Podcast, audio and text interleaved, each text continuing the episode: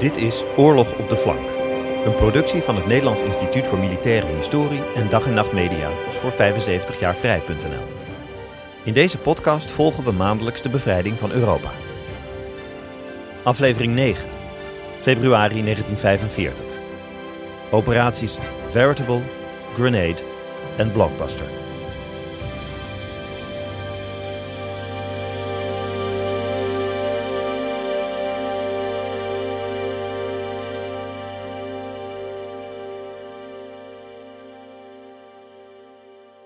Maart 2003. De zuidgrens van Irak. Nee, nee, blijft u vooral luisteren. U zit goed. We gaan het hebben over de oorlogsmaand februari 1945. Maar er is een interessante historische parallel. In 2003 stonden langs de zuidgrens van Irak ongeveer 150.000 vooral Amerikaanse en Britse militairen klaar om het land binnen te vallen. A pretty busy starting line, zoals een Amerikaanse militair het uitdrukte. Oftewel, best druk. Laten we dat nu eens vergelijken met het Rijk van Nijmegen, begin februari 1945. Ook toen wachten 150.000 soldaten op een startschot. Dit keer om de aanval op Nazi-Duitsland te heropenen. Alleen, in Irak was de startlijn ongeveer 200 kilometer breed.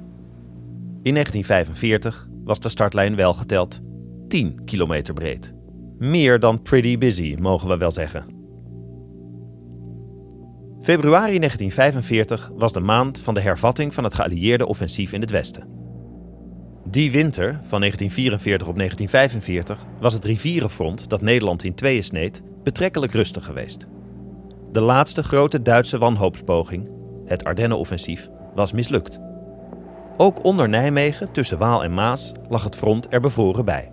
Deels letterlijk. Wat was nu het geallieerde plan? Opperbevelhebber generaal Eisenhower had besloten vast te houden aan zijn breed front-strategie om Nazi-Duitsland aan het westfront op de knieën te dwingen. Daarbij moesten de geallieerde troepen eerst de hele westoever van de Rijn schoonvegen. Pas dan stond de sprong over de Rijn op het programma. De sprong naar het hart van Duitsland. Het schoonvegen van de westoever van de Rijn betekende de verovering van het Rijnland. Het gebied afgebakend door Maas en Roer aan de westkant en de Rijn aan de oostzijde. Dit zou de slag om het Rijnland worden, de Rhineland Offensive. Geallieerde stafkaarten lieten een klassieke tangbeweging zien. Om te beginnen zou vanuit het Rijk van Nijmegen, dat is de streek rond de stad Nijmegen ten zuiden van de Waal, het eerste Canadese leger door het meest noordelijke punt van de Duitse verdedigingslinie proberen te breken, de Westwal. Aan het eerste Canadese leger was het Britse 30ste korps toegevoegd. Dit korps zou de hoofdaanval gaan uitvoeren. De mindere taken, die waren weer eens voor de Canadezen. Althans, zo keken de Canadezen er zelf tegenaan. Codenaam voor de aanval van het eerste Canadese leger? Operatie Veritable. Startdatum 8 februari 1945. Meer naar het zuiden zou het Amerikaanse negende leger de roer oversteken en zo de Duitsers in de tang nemen. Dit was Operation Grenade. Met nog een niet onbelangrijk voordeel: de bevrijding van een 30 kilometer lange strook tussen de Maas en de Nederlandse grens. In die strook wachten Venlo en Roermond en een aantal omliggende dorpen nog steeds op de bevrijding. Voor operatie Veritable kon losbarsten, moesten eerst de voorraden voor 150.000 man in het Rijk van Nijmegen worden geperst. En dat allemaal zonder de Duitsers wantrouwig te maken. Nu kan, eigenlijk al sinds mensenheugenis, het weer een enorme invloed hebben op het slagveld. In 1945 was dat niet anders. Mogelijke bottlenecks voor de bevoorrading waren de bruggen over Maas en Waal. Vooral de drijvende pontonbruggen bleken kwetsbaar voor drijfijs Per brug waren tot wel 50 Canadese soldaten bezig het drijfijs op te breken, 24 uur per dag. Met pikhouwelen, ijzeren staven of, als het nodig was, met explosieven. Een klus die vroeg om ijzige kanten. To smash the icy surface, charges of 808 are prepared by the Royal Canadian Engineers. Explosives are also used to mine the bridge. In case the ice piles up around the pontoons, The bridge may be blown into small pieces to release the ice jam. This ensures the safety of other bridges farther down the river. Maar de snerpende vrieskou was een tweesnijdend zwaard. Zolang de wegen stijf bevroren bleven, waren ze immers goed bereidbaar. Maar ja, daar kwam weer die meedogenloze wet om de hoek kijken. De wet van Murphy. Precies begin februari, een paar dagen voor de start van operatie Veritable, ruilden de weergoden hun strenge vorst in voor een recorddooi en zware regen. Onverharde wegen veranderden in glibberige karfboeren. Tanks en vrachtwagens maalden steenwegen en asfaltbanen aan gruzelementen. Overal ontstonden modderpuisten die de bestrating decimeters omhoog drukten. En alles moest in het pikken donker, om de voorbereidingen voor de Duitsers te verhullen. Werden er volle munitiekisten naar het front verplaatst, dan kwamen er dummies voor in de plaats. Traag kropen eindeloze transportconvooien door het donkere rijk van Nijmegen. Voorbumper tegen laadklep. Om met zonsopgang, als bij toverslag, te verdwijnen in de beboste verzamelgebieden. Treffend sprak generaal Brian Horrocks, commandant van het 30ste korps. Toen we klaar waren met deze opeenstapeling van troepen en materieel, was het letterlijk onmogelijk om ook maar een ertje te laten vallen in de bossen rond Nijmegen zonder iets van het 30ste korps te raken. In Nijmegen, hopping off point for the Rhine offensive, a mad whirl of traffic heralds the approach of zero hour. Transport of the 1st Canadian Army is marshaled into starting positions for the drive. For many weeks, a static period has been enjoyed in the north.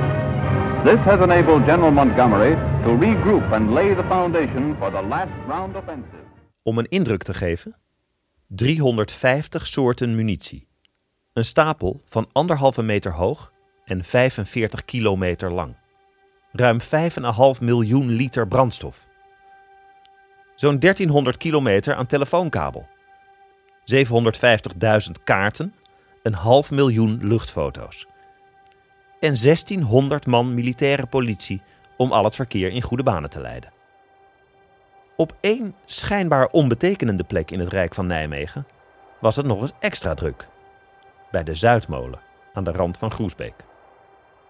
De molen staat er nog steeds. Als de Duitsers hadden geweten wat er zich in die molen afspeelde, dan hadden ze die plek ongetwijfeld met de grond gelijk gemaakt. Om te beginnen was de Zuidmolen een voortreffelijk observatiepunt. Een prima uitkijkpost voor artilleriewaarnemers om de granaten naar het doel te leiden. Maar eind januari en begin februari diende de Zuidmolen ook als pleisterplaats voor honderden officieren, van generaals tot eenvoudige luitenants. Op de zolder van de molen planden ze de vernietiging van de Duitse verdedigingslinies. Can you put me on the ground? was een veelgehoorde vraag. Oftewel, vertel met welk terrein we te maken hebben. Dat terrein kenden de artilleriewaarnemers intussen op hun duimpje. Elk punt dat belangrijk was voor de aanval werd besproken. Elk weggetje, elk huis, elk bosje. En de vijand? Hoe stond het daar intussen mee? De Duitse commandant in het westen, veldmaarschalk Gert von Rundstedt, klaagde in elk geval als vanouds. Slechts een derde van de benodigde munitie was beschikbaar. Extra brandstof niet of nauwelijks. Te weinig mankracht en geen reserves van betekenis. Eerste klas troepen waren de meeste verdedigers niet. Op een paar duizend parachutisten, de Fallschirmjäger en wat tankeenheden na. Von Rundstedt moest het ermee doen. Tijd winnen. Dat was waar het opnieuw om draaide. Tijd winnen om de verdediging van de laatste twee belangrijke Duitse industriële centra in het westen op orde te brengen: het Roergebied en het Zaargebied.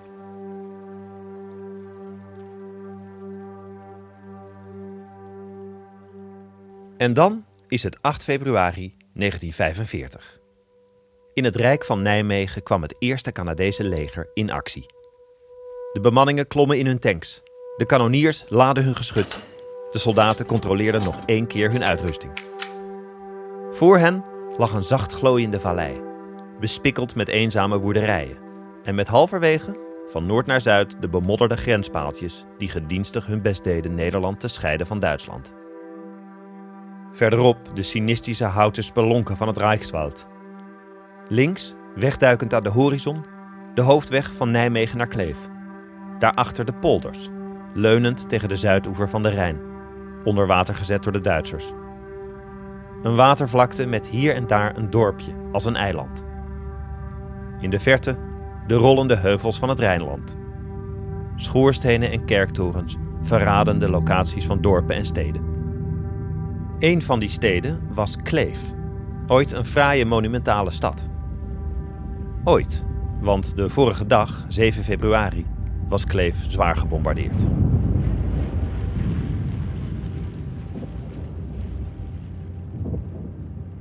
Kleef was de grootste stad vanaf de startlijn die operatie Veritable nu nog in toom hield. Met tegenzin had generaal Horrocks een regen van verwoesting op de stad laten neerdalen. Kleef was, zoals dat heette, uitgeschakeld. Taken out in dat alles toedekkende militaire jargon. Een controversieel besluit. Kleef was grotendeels geëvacueerd, maar telde nog duizenden burgers inclusief heel wat Oekraïense dwangarbeiders die anti-tankgrachten moesten graven. Honderd van hen, opgesloten achter de tralies van de gevangenis, overleefden het inferno niet. Generaal Horrocks besefte heel goed welk leed hij aanrichtte. Toen al die zware bommenwerpers overkwamen, op weg om Kleef uit te schakelen, voelde ik me een moordenaar.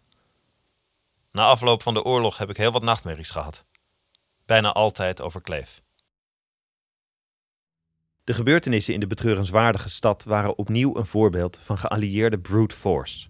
De overmacht aan vuurkracht en materieel. Aan het front zelf was het niet anders.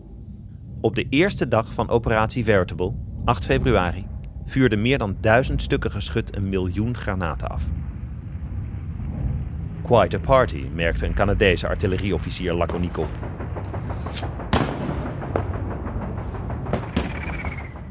Dit was trouwens wat de Canadezen en Britten een pepperpot barrage noemden. Een gepeperd explosief mengsel van elk beschikbaar wapen. Niet alleen het veldgeschut, maar ook tankkanonnen, mortieren, anti-tankgeschut, machinegeweren, luchtdoelgeschut. Alles wat de vijand maar kon treffen. Hallo BBC.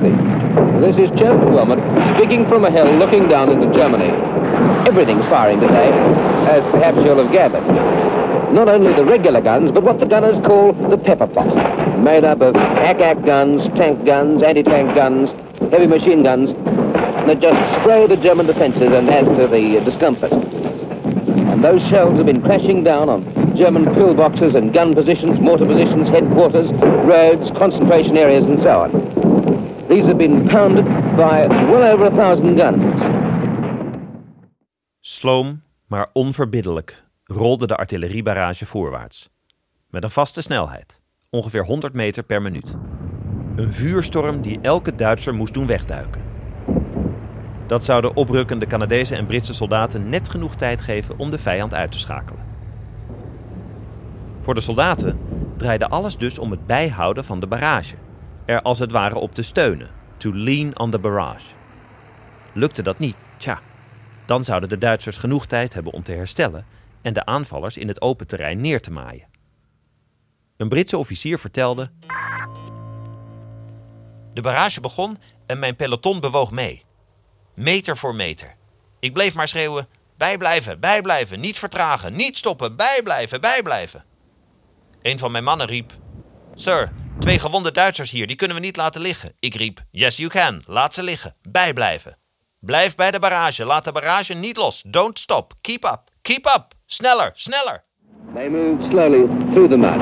It was over their boot tops. Mud that sucked their feet back. Lead and clinging mud that wrapped itself round their boots and made, made every step slow and heavy.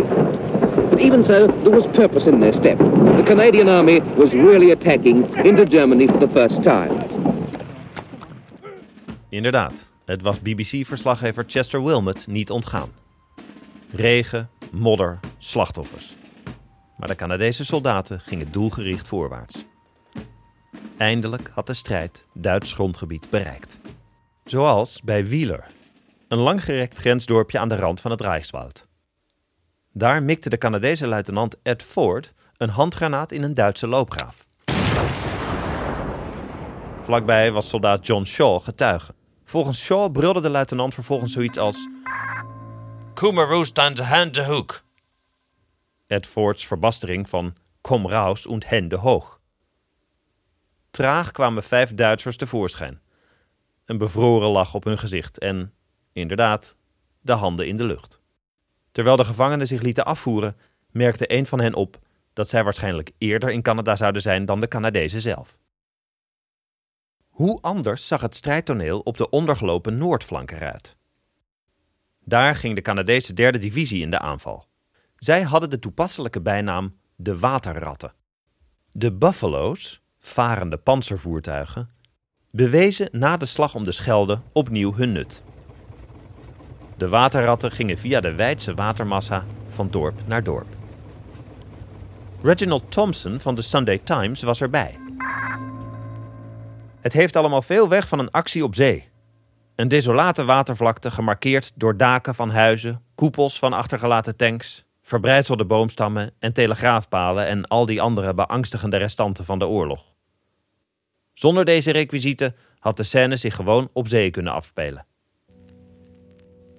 Het Canadese bioscoopjournaal maakte er een item over. Inland Navy sails to the Rhine. Het Canadese leger doppert naar de Rijn, met zwemvesten en al. The flooded country makes amphibious vehicles a vital part of the advance. Jokingly dubbed the Inland Navy, the waterborne infantry is just that. They are even issued with life belts for their hazardous marine advance. Striking out across the German border, they actually sail from objective to objective. De derde divisie baande zich dus een weg door borsthoog water. Maar elders vermengde het regenwater zich met klei en zand.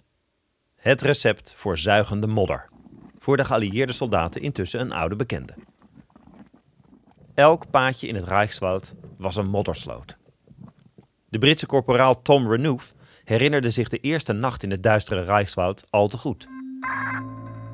Mijn hersenen tolden. Ik verbeelde achter elke boom, in elke schaduw, het silhouet van een Duitser. Soms hoorden we de Duitsers praten en dan vuurden we salvo's in die richting. Dan geschreeuw en kreten om hulp. Een sluwe list van de Duitsers, zodat we onze positie zouden verraden. Soldaat John Gibson onderging een vergelijkbare beproeving. Oprukken door het Rijkswald was een nachtmerrie. Door het heuphoge kreupelhout waren we al snel de uitputting nabij. Maar wat ons helemaal aan het randje van de waanzin bracht, was de voortdurende spanning. Het ene moment niets aan de hand, een seconde later zat de vijand bovenop je. Vooral s'nachts, als elk geluidje je verbeelding martelde, dan drongen de Duitse para's onze stellingen binnen. Een oneindig hellevuur. Stap voor stap vochten de Canadezen en Britten zich het Rijnland binnen. Op 11 februari, vier dagen na de start van operatie Veritable, viel Kleef in geallieerde handen. From the Western Front, more pictures of Field Marshal Montgomery's advance to Cleve have now reached London.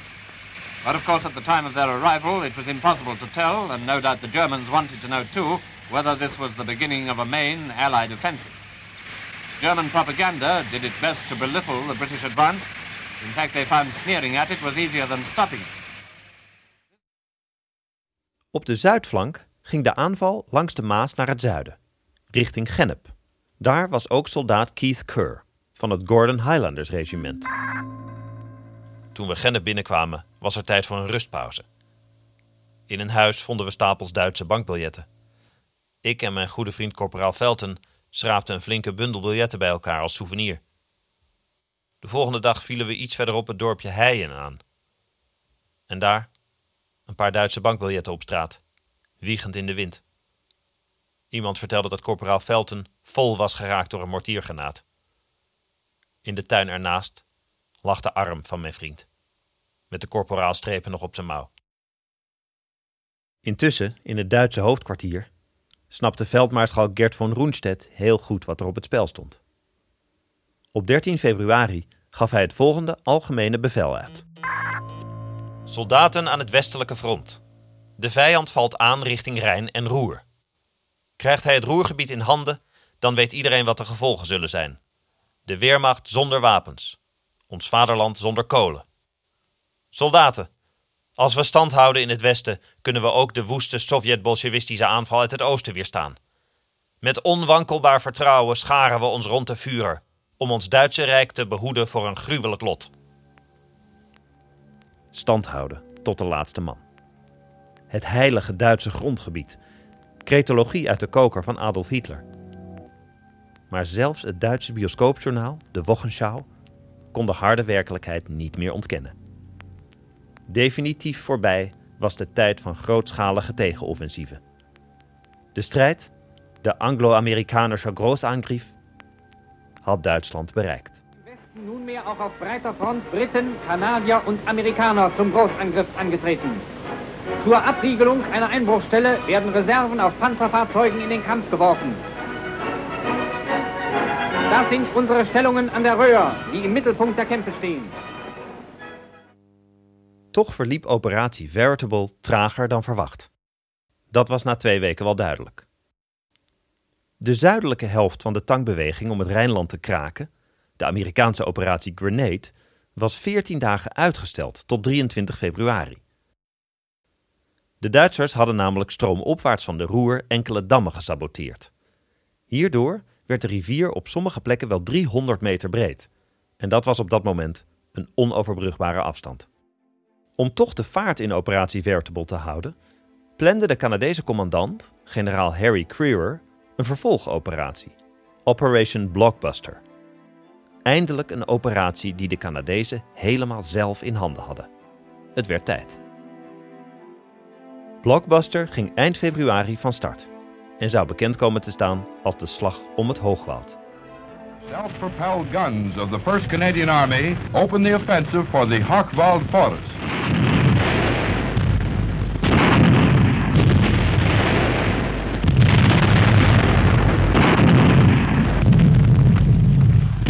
Again, British and Canadian troops of the Allied left flank break into a Nazi cordon of steel. The performance of Caen is repeated. Striking southeast from Cleve against terrific artillery and infantry resistance, the town of Kalkar is captured. Under cover of darkness, the German task force holding the town has withdrawn. Soon, nothing remains but German dead and knocked out Tiger tanks. The Hochwald is disinfested. Jerry limps back to his Gethsemane in the Basel pocket. Grim paratroopers are bagged by hundreds. Some are meek. Some are the most arrogant types yet seen by the Canadians. But their swanking days are over. From concentration camps, they will hear of the last feathers falling from a molting Prussian eagle. Blockbuster was een succes. Het Hoogwald was, in de woorden van het Canadese bioscoopjournaal, definitief ontsmet. In hun gevangenkamp zouden de Duitse soldaten wel vernemen hoe de kalende Pruisische adelaar zijn laatste veren ging verliezen. Geen subtiele beeldspraak misschien, maar met een kern van waarheid. Want in de vroege ochtend van 23 februari was eindelijk operatie Grenade van start gegaan. En was operatie Veritable al verpletterend qua vuurkracht, met Grenade deden de Amerikanen er nog een schepje bovenop. Om kwart voor drie ochtends ontbrandde het roerfront. Letterlijk. Een drie kwartier durende storm van granaten uit meer dan 2000 stukken geschut. Met als doel de vijand verdoven, vernietigen, verdrijven.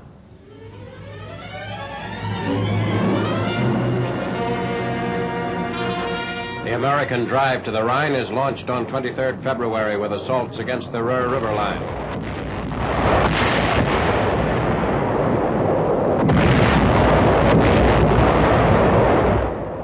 Troops of the 1st and 9th Armies await the signal to follow platoons which negotiated the swollen Ruhr in the hours before dawn. Tanks give protective fire at the river's edge.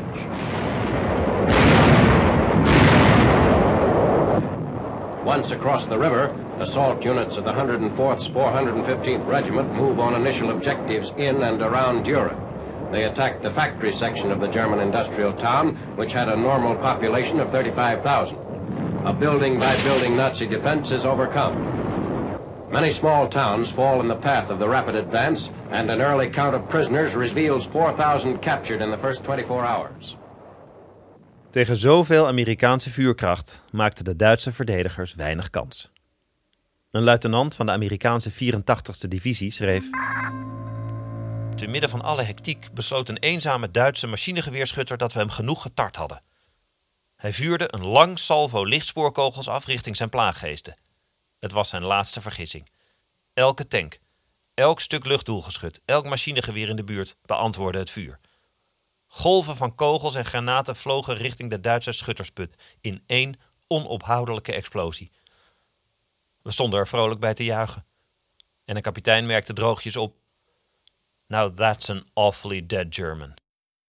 Op 3 maart vloeiden operaties Grenade en Blockbuster samen bij het plaatsje Geldern. Een paar dagen later was heel het Rijnland in geallieerde handen. En eindelijk konden ook de inwoners van de strook tussen Venlo en Roermond, op de oostelijke Maasoever, hun bevrijders binnenhalen. Roermond was gedurende de winter grotendeels geëvacueerd door de Duitsers, waarbij veel inwoners in Groningen en Friesland terecht waren gekomen. Op 1 maart troffen de bevrijders een nagenoeg lege en verwoeste stad aan. Diezelfde dag was ook Venlo aan de beurt. In zijn dagboek beschreef een inwoner hoe de Amerikaanse GI's de wijken zuiverden. Even later komen ze onze singel op. De geweren en handmitrailleurs in de aanslag. Doorzoeken alle alleenstaande huizen en hoekhuizen. Dan komen ze bij ons en doorzoeken ook ons huis. We staan van emotie op onze benen te trillen. Eindelijk bevrijd. Wat resteerde aan Duitse soldaten gaf zich vrijwel direct over. Razendsnel was de Amerikaanse opmars naar Venlo verlopen. Zo snel dat de verraste Duitsers geen kans kregen de bruggen te vernielen. Met name één Amerikaanse eenheid trok de aandacht van de Venlonaren. Het 784ste tankbataljon. Een zogenoemde gesegregeerde eenheid, samengesteld uit zwarte soldaten. Nog steeds een bijzonderheid in de Amerikaanse krijgsmacht van 1945. The 35th Division Spearhead Tank Battalion pauses at Seville in Germany, bound for the Rhine. As United States Signal Corps cameramen catch the scene, supplies are being loaded. This crack battalion is made up of Negro enlisted men. Het 784ste tankbataljon. Een crack battalion, een eerste klas bataljon maar ze werden weggezet als Negro Soldiers. Pas na de oorlog in 1948 zou de rassenscheiding in het Amerikaanse leger verdwijnen. In de rubriek Den Spreker van den Dag deed Pater Herraats voor Radio Herrijzend Nederland verslag van de bevrijding van Venlo. Verslag van de weinig glorieuze aftocht van de Weermacht. Verslag van de zwarte soldaten die lekkernijen uitdeelden aan de kinderen. En van de kinderen die hun ogen uitkeken. Venlo bevrijd. Donderdag in de late middag rolden tien Amerikaanse tanks de Kaldekerkerweg af. Vrijwel zonder schot werd de vesting Venlo overgegeven. Enkele Duitsers ontkwamen achter het stuur van kinderwagentjes waarin ze nog wat gestolen goed en hun ransels meevoerden. Het merendeel gaf zich over. Vrijdagmorgen waren de straten vol tanks bemand, bemand met negersoldaten. Een blije rij mensen stond langs de wegen. Geen geweldig enthousiasme, de bevolking had te veel meegemaakt. Alleen de kinderen waren enthousiast. Ze snapten niet waar Sinterklaas bleef. Er bleven al maar zwarte pieten komen, met lekkernij, koekjes en chocola. Hoe verging het ondertussen de burgers in het Rijk van Nijmegen? Tijdens de winter waren de meeste burgers uit de omgeving van Groesbeek geëvacueerd.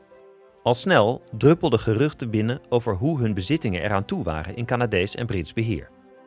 In haar dagboek beschreef een uit Groesbeek geëvacueerde vrouw de stemming.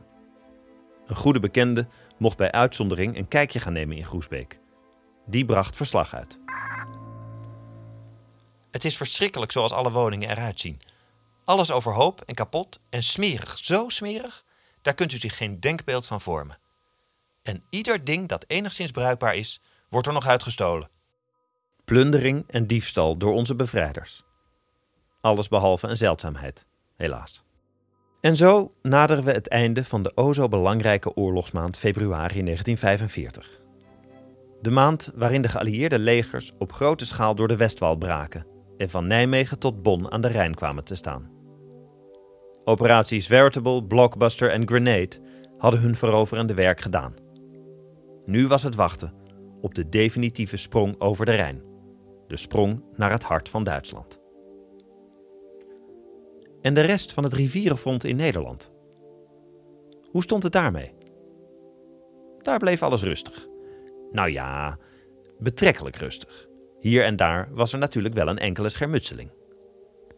Getuige bijvoorbeeld het verhaal dat een Nederlandse SS'er eind februari op de band zette. Nachtpatrouille was de titel. Nachtpatrouille. Het is bijna einde februari. Een warm voorjaarszonnetje schijnt op ons neer. Het is een van die zeldzame vroegzomerse dagen waarmee de maand februari ons af en toe verrast. Wij zitten met ons vijven achter de villa, in welks kelder wij verblijf houden vanwege de artillerie- en granaatwerpervuur van de zijde van een Tommy. Bij onze villa behoort een groot park. En nu zitten wij lui in rieten tuinstoelen en genieten van het warme voorjaarszonnetje. Het is als het ontwaken na een lange winterslaap. In het park achter de villa staan de sneeuwklokjes reeds een week lang in bloei en de eerste krokussen steken schuchtig hun kopjes de zon tegemoet. Het is alles vrede en rust om ons heen, uitgezonderd geschutvuur vanuit de vechten, vanuit de nabuurlijke sector. Onze Tommies, dat wil zeggen de Canadezen tegenover ons, houden zich ook vandaag erg rustig, klaarblijkelijk evenals wij geïmponeerd door het heerlijke lenteweer. Die nacht slopen de SS'ers naar het riviertje dat hun stellingen scheidde van die van de Canadezen. De Canadezen lieten zich simpel uit de tent lokken. Op een enkele geweergranaat reageerden ze als door een wesp gestoken. Een kakofonie van geweervuur en mitrailleursalvo's. De SS'ers wisten genoeg. De Canadezen hadden verraden waar hun stellingen lagen en hoe zwaar hun wapens waren. Tevreden aanvaarde de SS'er de terugtocht. Tot plotseling. Plotseling schieten weer lichtkogels omhoog. Als versteend blijven wij staan. We zijn gezien van de andere kant. En dan horen wij de doffe dreunen van het afschieten van granaatwerpers. Dan is er even een fluiten in de lucht. En dan komen de explosies van de inslaande granaten. Nog meer lichtkogels gaan omhoog en maken de nacht zo licht als de dag. Dan volgt een rennen, een rennen om ons leven. Eindelijk hadden de geallieerden Duitsland bereikt. Begin maart stonden ze aan de Rijn. Waren de Duitsers nu nog in staat om de geallieerde invasie te stoppen? Zouden de geallieerden aan het rivierenfront de padstelling doorbreken en oprukken naar het noorden? En was de bevrijding van heel Nederland dan eindelijk aanstaande? Luister voor de antwoorden naar de volgende aflevering van Oorlog op de Flank. Oorlog op de Flank is een podcast van het Nederlands Instituut voor Militaire Historie, geproduceerd door Dag en Nacht Media. De podcast is onderdeel van de multimediale Ode aan de Vrijheid. Kijk daarvoor ook op 75jaarvrij.nl. En is mogelijk gemaakt door het DOSCO Ontwikkelfonds. Dank ook aan het Nederlands Instituut voor Beeld en Geluid. Research Marco Middelwijk. Projectleider NIMH Lianne van den Doel. Tekstschrijver Christ Klep. Productie en editing Anne Janssens van Dag en Nacht Media. Audiovormgeving Studio Cloak. Mijn naam is David Lucier. Tot volgende maand.